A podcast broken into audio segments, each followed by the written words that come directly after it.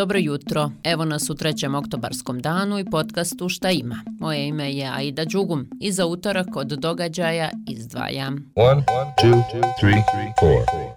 Zasjeda vijeće ministara BiH pred državnim ministrima između ostalog ponovo je nacrt zakona o sudovima, čiji je predlagač Ministarstvo pravde. Ovo zakonsko rješenje nekoliko puta je bilo povučeno s dnevnog reda, zbog toga što ne postoji, kako to biva, dogovor u vezi s nazivom, sjedištem i krivičnom nadležnosti posebnog, višeg, drugostepenog suda, koji treba tek da bude formiran. A u tom zakonu o sudovima sporna je bila i odredba o zabrani isticanja vjerskih obilježja, što bi moglo između ostalog značiti da žena s hijabom ne može biti sutkinja u pravosudnim institucijama Bosne i Hercegovine.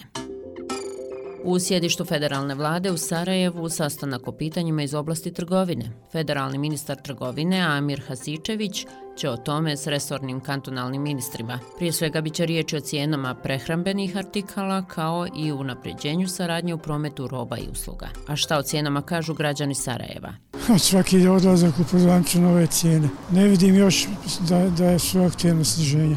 Ne pada ništa, malo ulje jedino.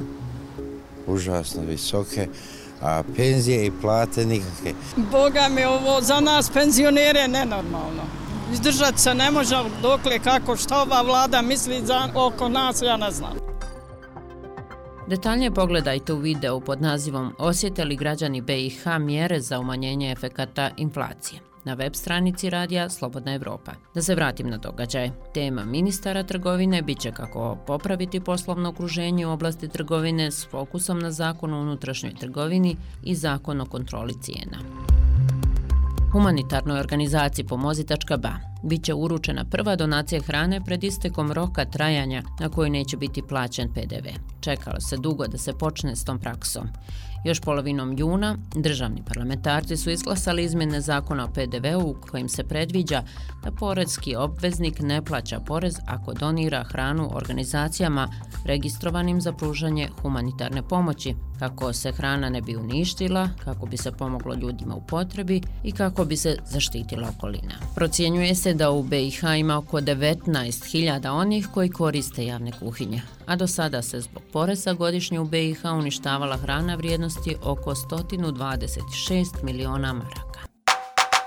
Drugi je dan dječje nedjelje koja se svake godine održava u prvoj sedmici oktobra kako bi se promovisala prava djece i briga društva za najmlađe. Obilježava se na različite načine, pa tako se u Tuzli održava festival Dječji život nije šala i mi imamo svoja prava. Taj festival organizuje udruženje Zemlja djece u BiH uz brojne radionice i sadržaje. Danas će biti poznati dobitnici Nobelove nagrade za fiziku. Do sada je za naučna dostignuća u fizici Nobelova nagrada bila dodijeljena 116 puta za 222 dobitnika od 1901. do 2022.